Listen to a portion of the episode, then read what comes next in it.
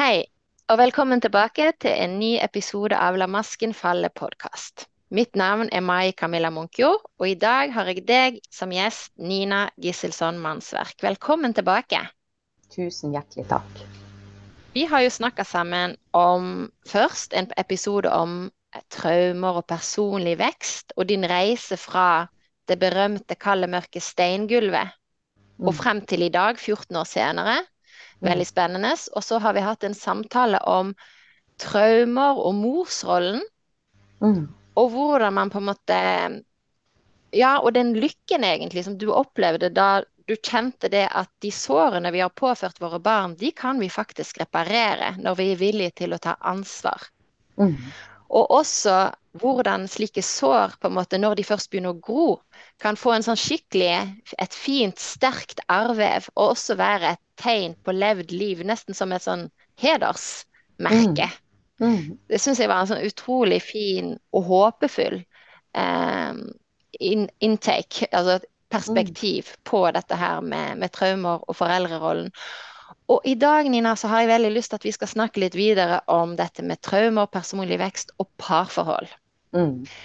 Og før jeg spør deg om dine erfaringer med parforhold, så har jeg bare lyst innledningsvis å si det at for meg personlig så har parforhold kanskje vært den relasjonen som har vært mest krevende for meg i mitt liv. Det har liksom vært den arenaen hvor jeg har følt meg mest kritisert og tilsidesatt og utfordra og avvist.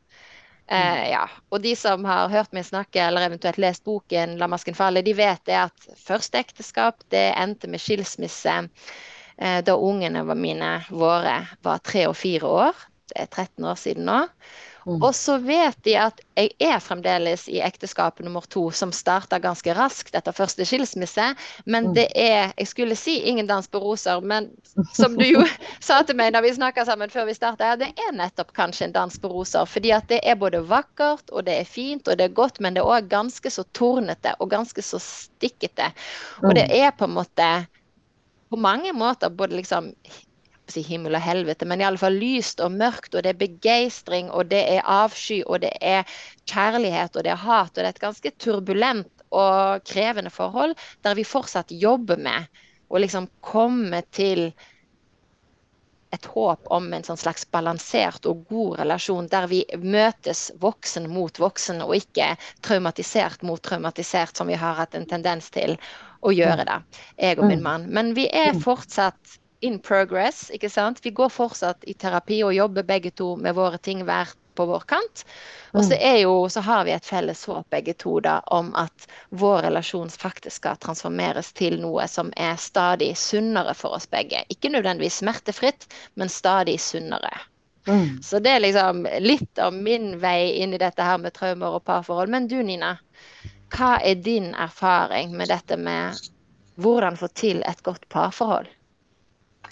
Eh, jeg tror jeg har mer erfaring på hvordan eh, man ikke får det til, enn hvordan man får det til. Eh, Ja. Men samtidig så er vel min oppdagelse det at altså parforhold er den, den vanskeligste relasjonen fordi at det blir den nærmeste.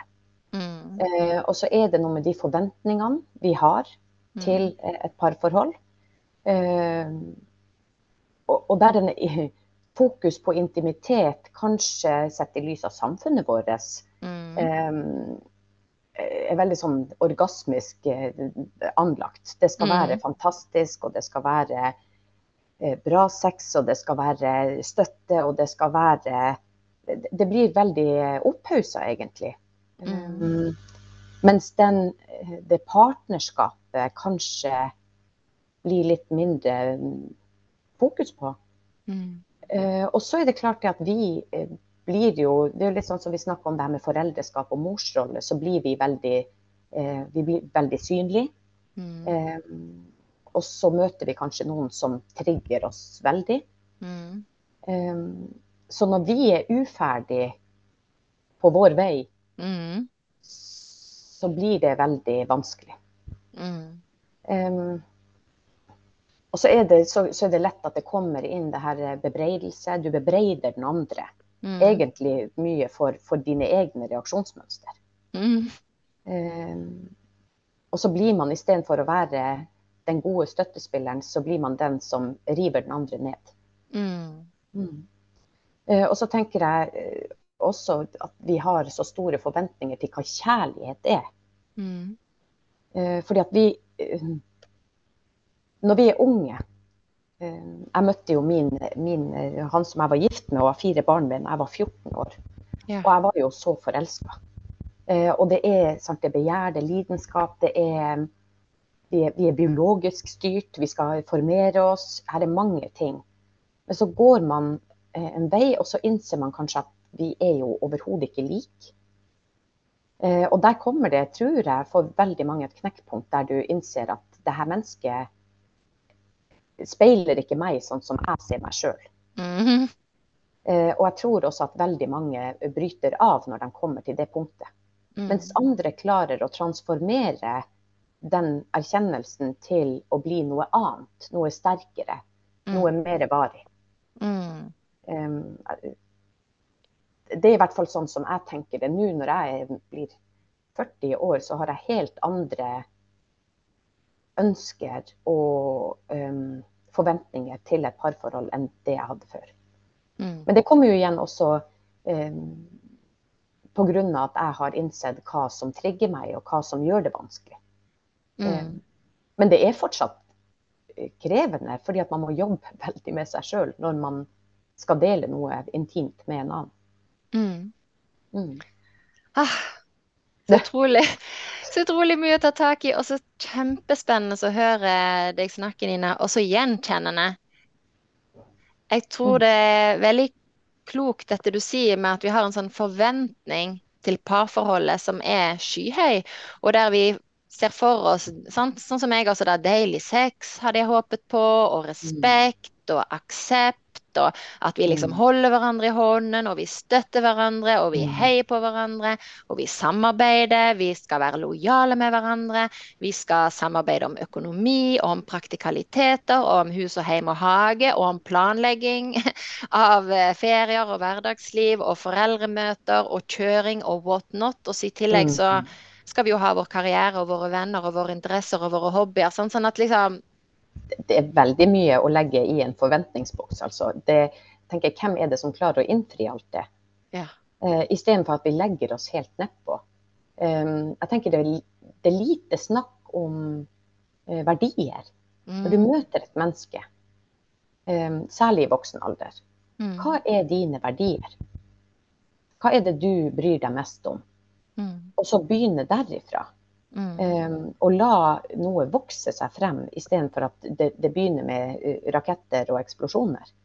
mm, Um, for, for det er noe med den her eh, grunnleggende respekten for et annet menneske basert på verdier istedenfor uh, hvilke klær de går i, eller hvilke hobbyer de har. mm, Um, og dra det helt nedpå. mm, tenker jeg, hvis du begynner mer nedpå, så er sjansen for at det vokser større enn hvis du begynner høyt oppe. Hvis du mm, går høyt på banen. mm, Og så er det noe med eh, eh, den her, eh, det å innse at eh, den andre å akseptere forskjellene, mm, det har blitt for meg veldig viktig. mm, Det, det å, å kunne humre litt av forskjellene. Mm, eh, og bekrefte den andre på det den er. mm, Der, tror jeg også det handler om å, å venne seg til en annen måte å kommunisere på. Det er, Mm. noe, det, det er noe vi må øve på. mm, mm. Det å snakke med respekt. Ja. Ja. Snakke med respekt og aksept. Jeg kan Mm. si for min del, en av mine blindsoner, det har jo vært at eh, det er mange blindsoner i parforholdet. Men hvis jeg skal ta én ting, da, så er det at jeg har trodd i ganske lang tid at jeg aksepterte min mann nummer to sånn som han var. Mm.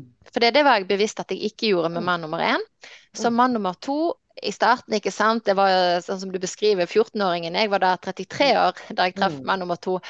Det var, det var også en sånn der, ja, rakett uh, raketter og fyrverkeri og en sånn voldsom forelskelse og en følelse liksom ut av kroppen-opplevelse omtrent. ikke sant? Og det er helt sånn komisk når han kommer mot meg liksom Yes, this is the one. ikke sant? Og, mm. og, og, og så bare gikk vi rett inn på en kafé og sto i en kø og så bare legger liksom armene rundt han og helt inntil kroppen og snuser inn i nakken og bare mm. Han det, det, er deg, liksom. Det er mm. deg. og så er det det. Det var helt Endelig. Mm. Vidunderlig, endelig, komme hjem, alt dette her. ikke sant? Så jeg fikk liksom den der opplevelsen. Og den forelskelsen varte jo i to år cirka. Det er en veldig lang, ganske sånn intens forelskelse. Og så smalt vi jo da ganske kraftig i mm. hverdag, inn i hverdagslivet, kan du si, når vi da flytta sammen etter to år. Fordi jeg hadde jo mm. barn fra før, ikke sant? så vi flytta ikke sammen mm. før etter to år. Og idet vi flytter sammen, så blir jo da min mann stefar plutselig til to barn. Han hadde ikke barn fra før. Og i tillegg er jeg gravid. Idet vi flytter sammen, så er jeg gravid. Så jeg har da en ganske krevende graviditet. Han er stefar for to barn, og dessuten karrieremenneske, og han jobber på båt, og han er mye borte. Mm. Og jeg føler meg så avvist. ja. ja. Jeg er altså avvist på alle plan. Ikke er han mm. der fysisk, ikke er mm. han der seksuelt, syns jeg. Han er der ikke for meg lenger. Og jeg ser ikke mine eventuelle bidrag i denne dansen. Vil du si litt sånn hva, hva er det som skjer der? Um, da vil jeg jo tilbake til den forventninga som vi, vi, har til hva det skal være. Mm. Eh, for hva var det egentlig som skjedde når dere flytta sammen? Jo, da ble det jo tydelig eh, Da kom jo egentlig forskjellene frem. Og eh, forventningene som var skapt, ble ikke innfridd. Mm. Har man snakka nok om forventninger? Snakker mm. man nok om hva man ønsker og hva man trenger? Um, for ja. det er vårt ansvar å si noe om 'jeg trenger'. Vi kan ikke forvente at andre skal forstå hva vi trenger. Mm. Og det handler også om å sette verdi på seg sjøl. Mm. Men så er det jo, jeg bruker jo å si at vi lever i paradoksets tidsalder. Eh, når vi er usikre på oss sjøl, eh, og når vi er litt sånn trengende, så, så, vi, så setter vi ikke verdi på oss sjøl. Ergo mm. får vi ikke det vi trenger. Og dette her er så ekstremt sentralt. Og vi mm. har nå brukt 10-11 år, ca. 11 mm. år faktisk. Så vi har da vært i det har jo vært selvfølgelig gode dager. Det var denne dansen på roser, ikke sant. Sånn at det har jo ikke bare vært lidelse. Men i elleve år har vi da jobba begge to. Og jeg kan da kun snakke, nå kan jeg snakke kun om meg. Da har jeg jobbet for min del med å bli, prøve å bli tryggere i meg selv. Prøve å finne ut hva jeg trenger. Og det er ikke først før nå i det siste at jeg er klar over at jeg begynner å skjønne hva mine behov er. Mm. Jeg kan snakke sånn rett fra leveren, så trodde jo jeg da at mitt behov det var å bli begjært. Mm. Jeg trenger at du begjærer meg, for faen. sant? Mm. Og så hvor attraktivt er nå det? sant? Mm. Fra et sånn veldig nydelig veldig sted. Veldig trengende. ja. Og så innser jeg nå, i det siste, at mm. det jeg trenger, det er at min mann er oppriktig nysgjerrig på meg og mine mm. erfaringer, og at han har lyst til å tilbringe litt tid med meg. Kanskje tusle en liten tur, kanskje sitte på en benk i en park eller gå og ta en kopp kaffe. Og så at han er oppriktig interessert i hva jeg pønsker på, og hva jeg tenker på, og hva jeg opplever i mine meditasjoner og i mine mm. drømmer. Ikke sant? Og at han ikke liksom bare himler med øynene og tenker mm. 'what's wrong with that'? Ja, sant? Altså, mm. hva er det som er galt med deg? Men at han liksom 'Å, er det sånn verden ser ut for deg?' Men da tenker jeg at det er like viktig at du stiller eh, spørsmål tilbake. Hva er det du ja. Altså, må, du må jo også være god og undre deg over hva ja. han eh, brenner for, eller ja. tenker, eller observerer. Ja. Um, og jeg tror jo det at uh, hvis man er det bevisst, så kan man snu uh, også uh, veldig negative mønster til å bli noe bra. Mm. Og, og, det var litt sånn som jeg snakka om i første episode, det her med at hvordan vi er med andre Mm. Eh, altså, det, det, vil gjenspeile seg i den andre. Mm. Hvis vi er god, oppriktig, eh, undrende, nysgjerrig, god på validering, så vil jo den andre også eh, si, respondere på det. Ja, og jeg tror det du sier nå, undring, nysgjerrig validering, skal gi deg ordet tilbake. Ja, fortsett å snakke om det. For jeg tenker det er så ekstremt viktig og så undervurdert. Jeg tenker at det er essensen. Eh, og, og, når vi gjør det eh, Altså, vi, vi, må jo bruke oss sjøl eh, i den der type relasjon, altså i parforhold. Men, men, det blir jo eh, Og der, der, vil jeg dra inn intimitet. Det blir veldig intimt, og blir, du blir veldig synlig. Mm. Hvis man eh, har opplevd mye avvisning, eller har redsel for avvisning, mm. så er det noe av det skumleste man gjør. Mm. Fordi at du kler deg naken på en annen måte. Um, samtidig er min erfaring det at uh, begjær uh, Vi har jo et, et sånt kroppslig begjær, selvfølgelig. men men for meg så handler ikke Så, så er det begjæret på en måte litt sånn um, irrelevant eller blitt utdatert. Det er ikke det viktige. Mm. Det mest intime jeg kan gjøre nå, det er en samtale som er viktig og nær. Mm. Mm. Um, og så er jo selvfølgelig fysisk kontakt og, og, og, sex er også veldig viktig. Men det er ikke det er liksom ikke det viktigste. Det er ikke der jeg får den største bekreftelsen lenger. Mm. Mm. Fordi at det at noen bruker av sin tid og åpner opp og tør å snakke, er, er kanskje det som gjør dem mest sårbare, eller viser mest sårbarhet. Og, og mm. der, dermed bekreftelse. Mm. Så betydningen av det å våge å være avkledd mer sånn si, emosjonelt mm. og mentalt. Ja. Og å være Prøve liksom å nærme seg seg selv og mm. uttrykke seg selv. Og det tror jeg mm. mange syns er litt skummelt, fordi da tenker de men hvem er jeg da? Jeg aner jo ikke hvem jeg er. Så hvordan har din jeg, jeg har jo tro på at i nær relasjon, det er jo da du finner ut hvem du er. Mm. Du kan ikke gjøre det alene.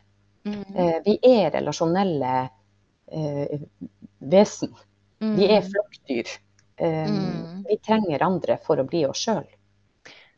Ja, sant. Vi trenger andre for å bli oss sjøl. Mm. Og så kan den veien mot å bli seg selv, eller oppdage hvem man er, bak maskene, bak identifikasjonene, bak alle kompenserende atferdsmønstre som man har utvikla for å beskytte seg, for å overleve. Mm. mm. Det kan man da komme i kontakt med hvis man våger. Og da må man jo da våge å stoppe litt opp. Mm. Um, ja. Jeg tror at um, For meg, uh, apropos stillhet som oppsto nå mellom oss, mm. Så er det rommet der eh, noe av det viktigste. Mm. Eh, jeg har sagt til, til, til, han jeg er sammen med, at eh, vi er som lufta i en dunjakke. Mm. Um, vi er ikke dunet, vi er ikke det ytre stoffet. Vi er, vi er, lufta som på en måte varmes opp, og som, som er der. Mm. Eh, og, og, det gir meg en sånn vanvittig fin følelse, fordi at det er Det er ofte de, de hulrommene eller det som, som, som, du ikke nødvendigvis kan eh, peke på eller ta i, som er det viktige. Mm. Av og til er det pausene i en samtale som egentlig er eh, det viktige. Mm, der den eh, forbindelsen skjer. Ja, ja det er liksom noe med, med å tørre å, å, skape sånne hulrom, på en måte. Mm. Um, det høres kanskje rart ut, men, men, for meg gir det veldig mening. Det gir veldig mening for meg. Det å, og... å tørre å kunne være stille, det å tørre å fordi at når man er stille, eller når man bare er, så blir man veldig synlig. Mm. Faktisk. Ja.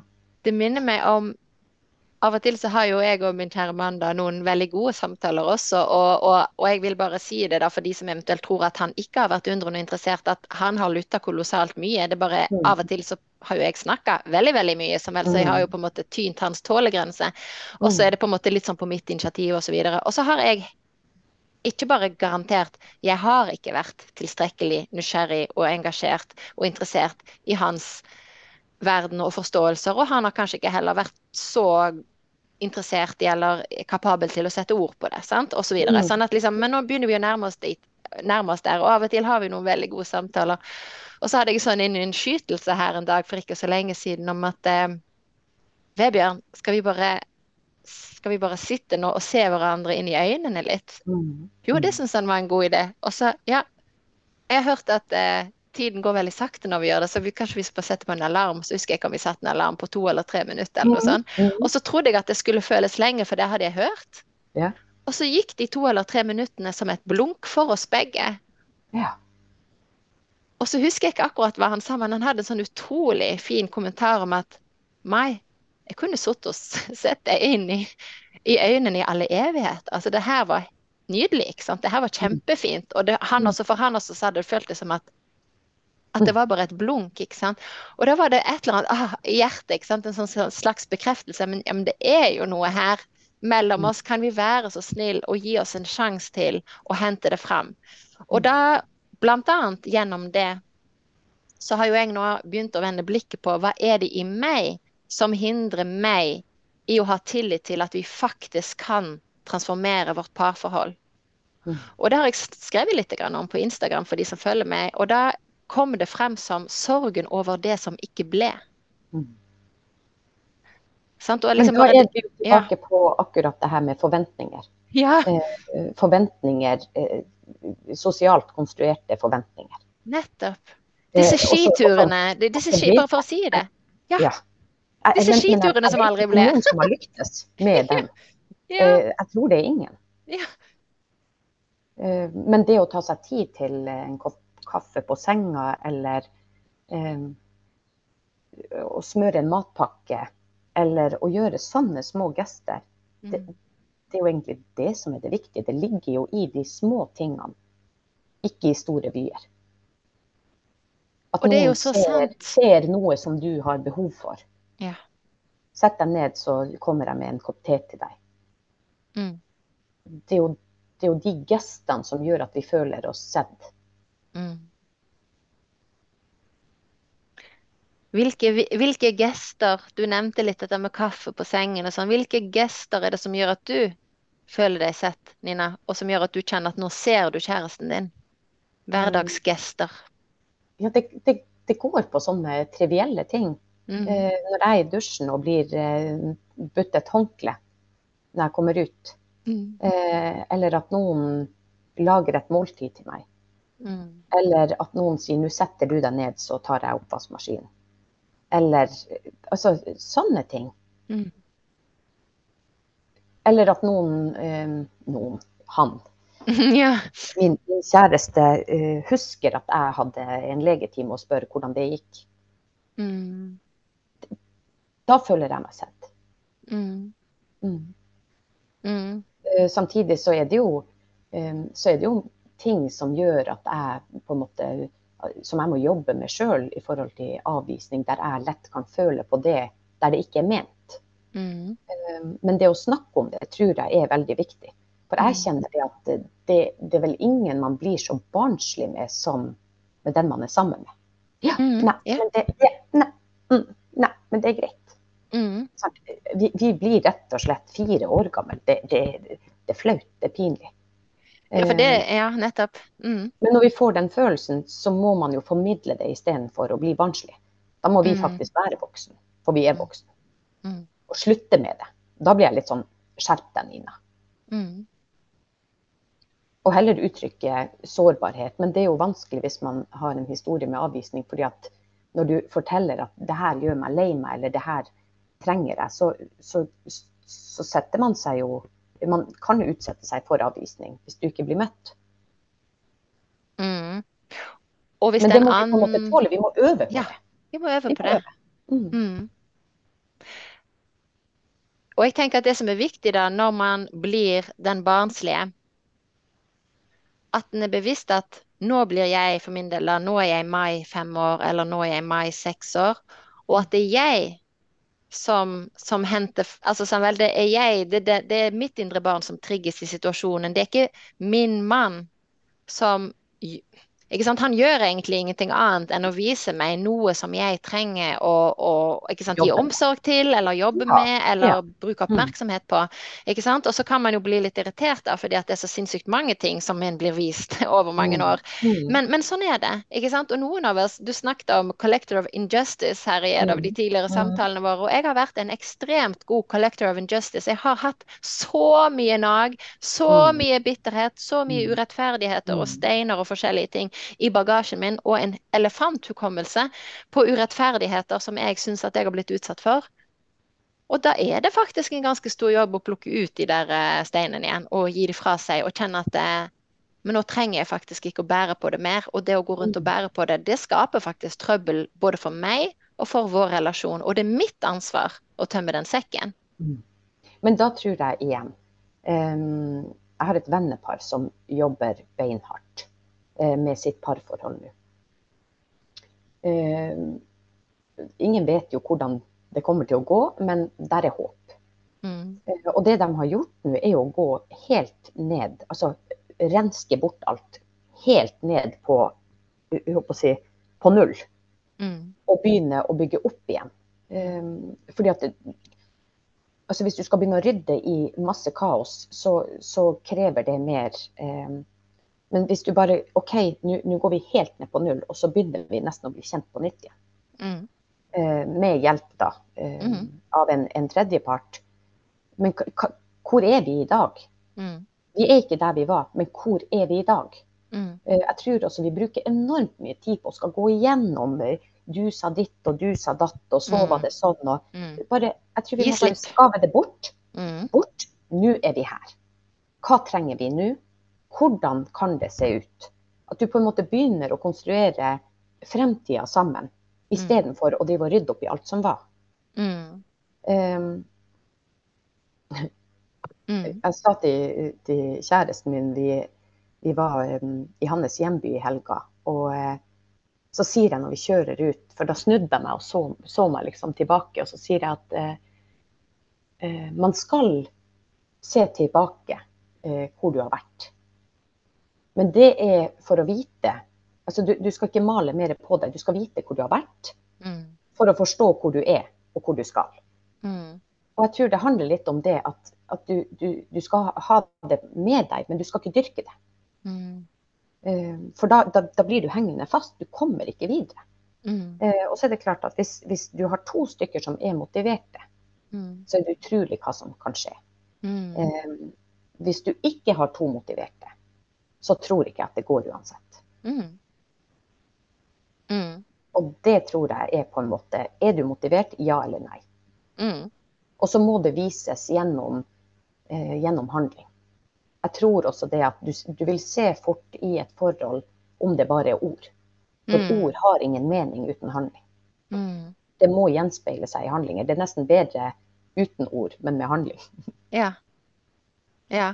Handling og intensjon og energi. At du på en måte kjenner at det er tilstedeværelse. Det har jeg blitt med. Altså sånn ekte ja. tilstedeværelse når man er sammen.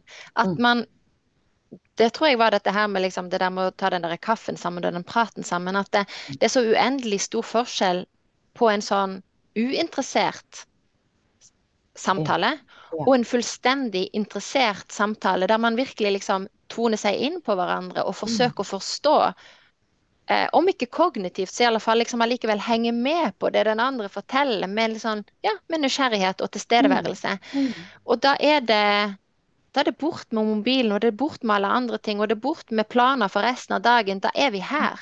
Mm. Og det tror jeg er kjempeviktig, å rydde rom eh, til hverandre. Men det er jo mm. igjen en investering og handling som viser at du er viktig for meg. Mm. Um, men jeg tror også at vi er veldig flinke på å legge til veldig mange krav til hvordan, eh, hvordan man skal gjøre ting. Mm. Eh, og vi er veldig snar å si eh, når du gjør sånn, så blir jeg sånn. Mm. Vi fraskriver oss ansvaret igjen mm. og legger det på den andre. Og det mm. kan ikke gå bra. Mm. Det er kjempeviktig det du sier der. At vi, at vi liksom, for én ting er jo at man identifiserer at når du sier sånn, så får jeg det sånn. Mm. Men så er jo spørsmålet, men hva er neste trinn? Betyr det at skal derfor, derfor så skal du slutte å gjøre eller si sånn, eller er konsekvensen at derfor så må jeg se nærmere på hvorfor jeg reagerer sånn, og jeg må gi meg selv det jeg trenger for at jeg kan reagere på en annen måte. Mm. For den eneste jeg kan gjøre noe med, er meg selv og min egen reaksjon. Ja. Og da er vi tilbake til aksept for Mm. den andre.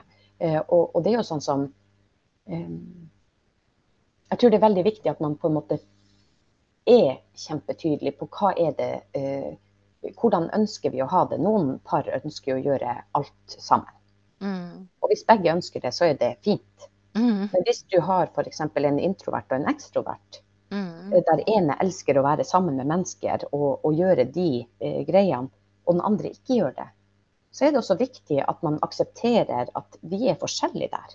Mm. Og heller ikke kreve at den introverte må være med på alt den ekstroverte finner på. Mm. Sant? Det, det, det er noe igjen med å gi hverandre det rommet til å være den vi skal være. Mm. Og hvis vi prøver å kvele individet, så er det ikke noe vi heller. Mm. Du, du må få lov til å være den beste versjonen av deg sjøl. Mm. Og få det pusterommet for å kunne være den beste partneren. Mm. Har det vært, eh, vil du fortelle litt om hvordan har du kommet frem til de innsiktene i ditt liv? For det parforholdet du har nå, det, du har ikke vært så lenge i det, så det har vært om parforhold før, antar jeg. Eller har det det mellom, mellom den skilsmissen og, og nåværende relasjon? Hvordan, hvordan har det vært for deg å komme frem til disse innsiktene? Har det vært dyrekjøpte innsikter? Hvordan har det kommet til deg, på en måte, skritt for skritt? Eh, ja, det har vært dyrekjøpt. Eh, det har eh, Det har blitt noen eh, Det morsomme, er at jeg er jo litt sånn her samler på eksene mine. Eh, det vil si har dem fortsatt i livet mitt. Fordi at de menneskene, stort sett alle, eh, med få unntak, eh, ser jeg så stor menneskelig verdi i at relasjonen har blitt omgjort til noe annet. Mm. Og det har jo også hjulpet meg til å på en måte evaluere hva var det her, hvorfor gikk det ikke bra.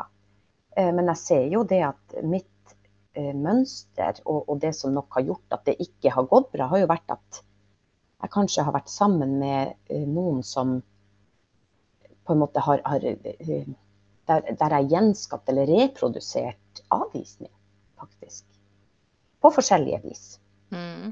Um, og så har jeg hørt at det, det handler ikke om å finne den rette, men om å være den rette.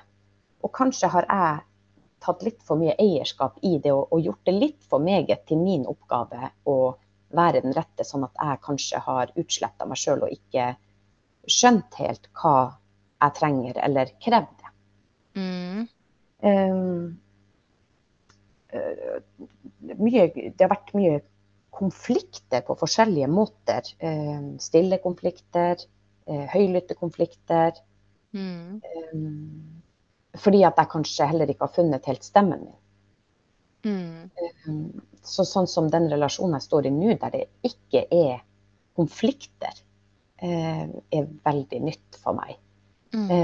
Men der er det heller ikke Det er ikke dype topper og, eller høye topper dype daler. Det, det er fint, og det er trygt, og det er um, rom som jeg sa, den, den lufta i dunjakka. Ja. Som er noe helt sånn nytt for meg, og der jeg har måttet jobbe med meg sjøl med å, å akseptere at det går an å ha det fint. Ja. Det går an å være i balanse Ja. og være Og det har vært veldig, veldig nytt for meg. Det, det, før har jeg vært veldig opptatt av å proklamere og, og, og liksom fortelle om hvor fantastisk og, og, og egentlig eh, så har det kanskje ikke vært sant. Eh, fordi at når ting er sant, så har du kanskje ikke det behovet for å proklamere. Eh,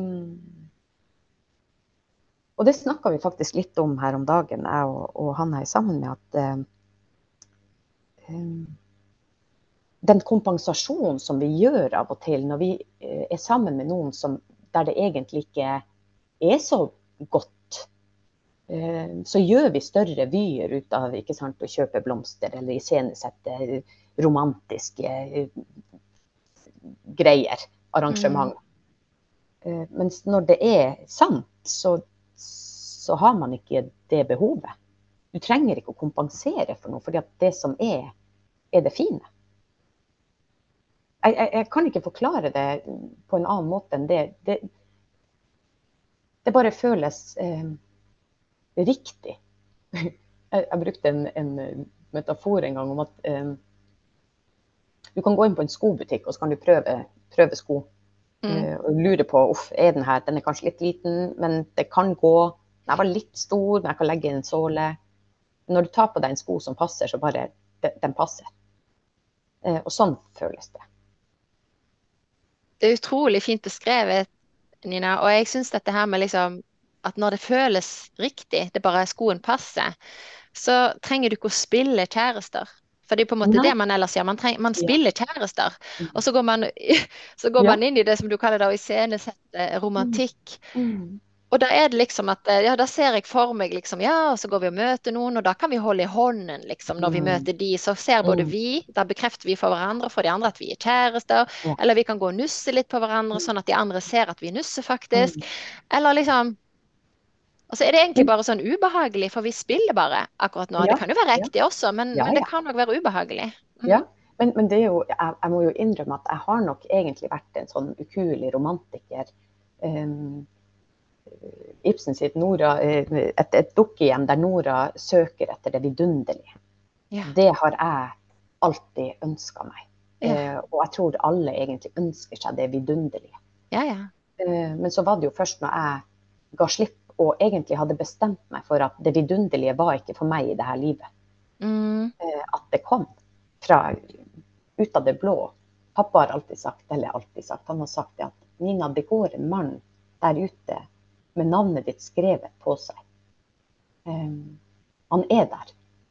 Og, og, du trenger ikke å lete. Mm. Så jeg er jo jeg er nok veldig romantisk anlagt, men jeg har på en måte mått, um, Etter negative erfaringer så bestemte jeg meg for at nå lar jeg det være. Mm. Uh, jeg har det så bra i livet at uh, jeg har det nesten for bra. Jeg kan ikke få det enda bedre. Og så gjorde jeg det. Ja, det er helt nydelig. Og jeg, og jeg får paralleller sånn til at når jeg nå vågde å se at eller jeg våger å se akkurat nå så jobber jeg med denne her sorgen over det som ikke ble, og jeg ser mm. hvordan det skaper vansker både i parforhold og i morsrollen for min del. Eh, og at, sånn som du sier da, å liksom stikke hull på disse her sosialt konstruerte forventningene om hvordan det skulle være.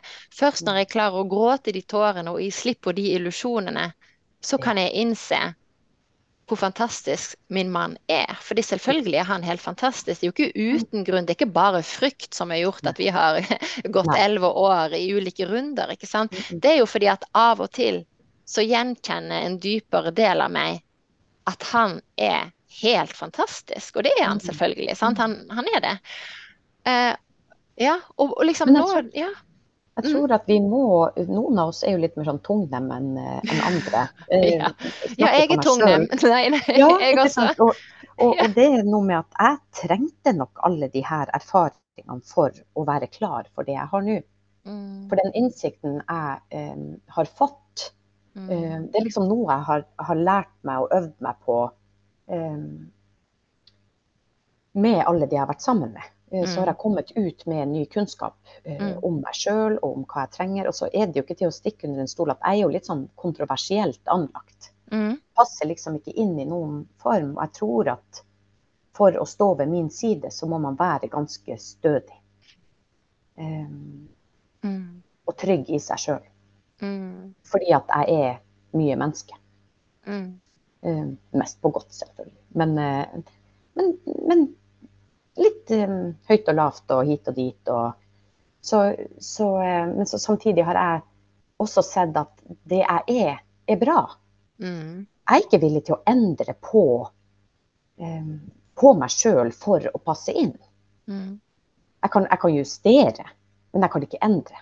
Jeg kan ikke mm. plukkes i biter og, og, gjøres om til noe som noen forventer at jeg skal være. For da går jeg på akkord med meg sjøl. Det vil ikke vare. Da blir, da blir jeg til slutt eh, som et dyr i bur.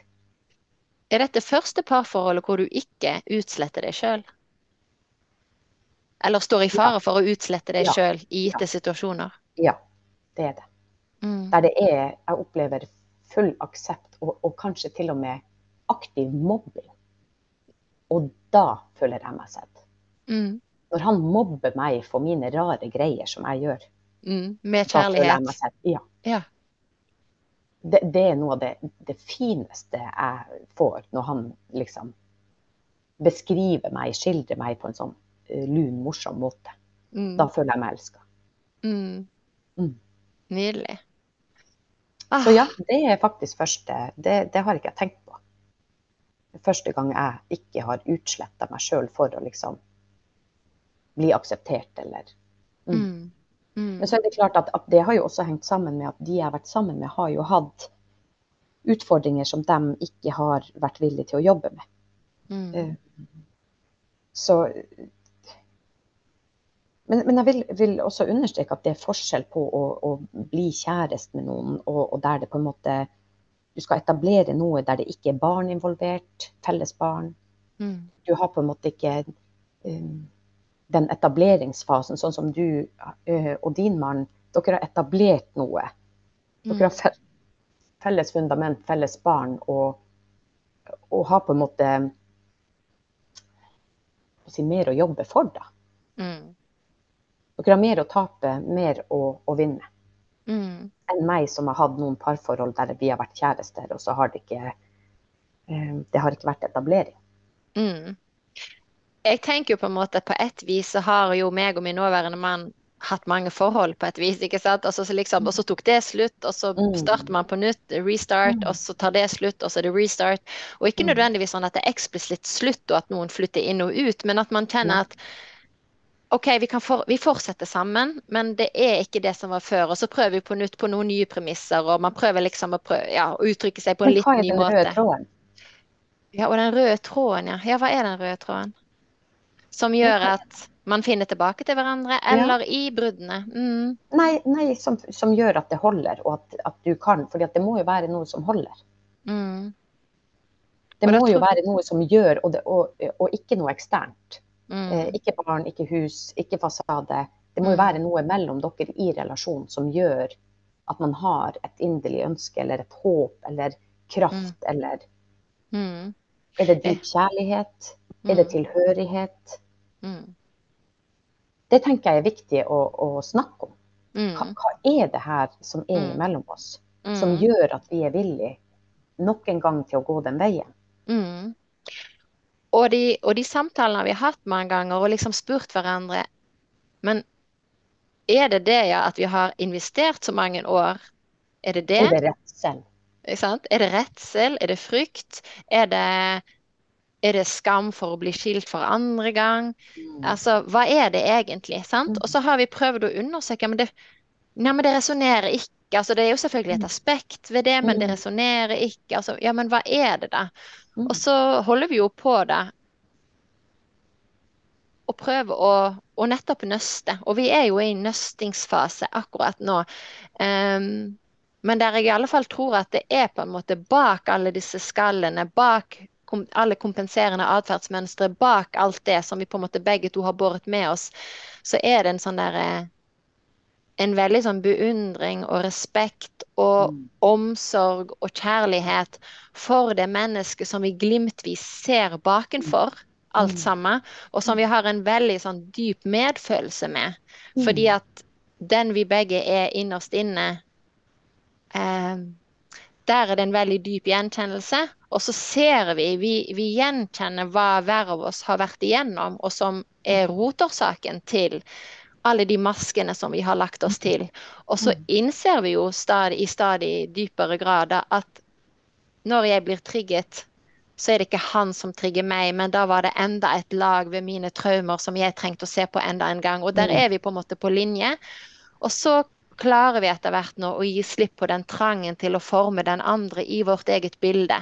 Mm. Og da kan jeg jo bare si sånn helt avslutningsvis at da er jo jeg nå, som, som dere forstår, som du forstår, stadig mer spirituelt anlagt. Jeg var agnostiker da vi ble sammen. Eh, meldte meg ut av statskirken, ikke spesielt interessert i den type ting. Mm. Og Vebjørn han var hakket mer radikal ateist. Mm. Og nå er det situasjonen at jeg er ganske så spirituelt orientert. og Vebjørn er fremdeles det som jeg vil kalle nesten konservativt ateist.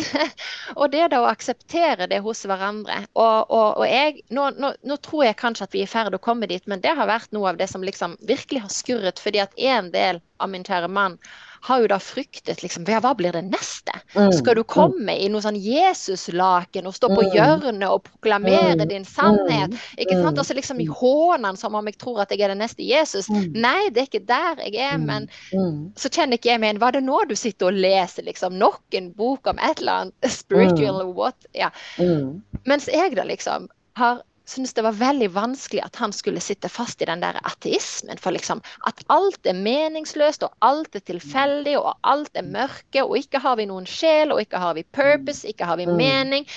Det er bare helt tilfeldig at vi er her, og vi kunne like godt bare tatt livet av oss alle sammen. Mm. For meg blir det vanskelig. Og så liksom da hvis vi kan bevege oss mot en viss respekt helst da, og aksept for hverandre, og at det er opp til han hvis han vil finne mening i sitt ståsted.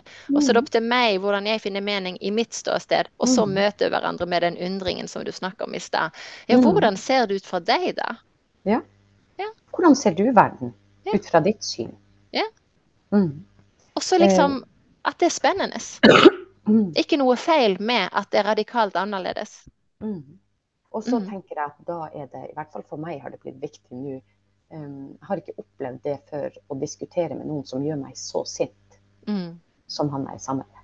Mm. Jeg har til og med måttet liksom uh, time out og gå ut en runde fordi jeg har vært så sint. Mm. Eh, og, og roe meg ned og komme inn og si men egentlig er vi jo enige. Men det er bare måten å si ting og, og se ting på. Men det syns jeg er gledelig. Mm. For det føles trygt. Mm. Vi diskuterer bare ting som egentlig ikke er så viktig. Mm. Um, og det å ha et sånt uh, rom tror jeg også er um, sant? Hvis du og Vebjørn kan sitte og diskutere uh, de her tingene med respekt, Mm. så vil jo det være med på å, uh, å si, ja, kanskje du også begynner å lure litt på, ja, ok, du har jo noen poeng der, og han vil også Mm. tenke det om det du sier. Mm. Um, vi skal ikke være så, så vanvittig standhaftige på at vi har eier sannheten, for det gjør vi ikke. Og det har du helt rett i. Og jeg tenker på en måte Jeg, jeg gjør jo det generelt sett, så tenker jeg jo det at vi, vi ser alle verden ut ifra vårt eget ståsted. At det, Opplevelse av sammenheng. Vi Ja. må akseptere at alle har en forskjellig opplevelse av sammenheng. Ja. Det betyr ikke at det er sant eller uriktig, eller Vi må akseptere at alle mennesker opplever eh, ting på forskjellig måte.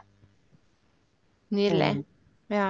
det tenker jeg er sånn grunnprinsipp som vi burde ha med oss. Eh, egentlig i ett og alt. Det har du så rett i. Og tiden den har eh, gått ut. Men har Mm. du noe du har lyst til å si før jeg eh, avrunder? Jeg tenker at eh, Ikke gi opp. Eh, men, men balanser mellom å sette grenser for seg sjøl og, og, og verdi på seg sjøl, og samtidig eh, også Vi må passe på at, at, vi, eh, at vi gjør vår jobb, men også å innse når det ikke er bra for oss. Mm. Mm. Kjempefin eh, Kjempefint liksom både til meg og til lytterne Mhm. som, som eventuelt kjenner seg igjen i det vi snakker om. Viktigheten av å sette sunne grenser, viktigheten av å kjenne sin egen verdi, lære seg å uttrykke sine egne behov, men samtidig kjenne når noe blir destruktivt. Ja. Sånn at man ikke ødelegger seg selv.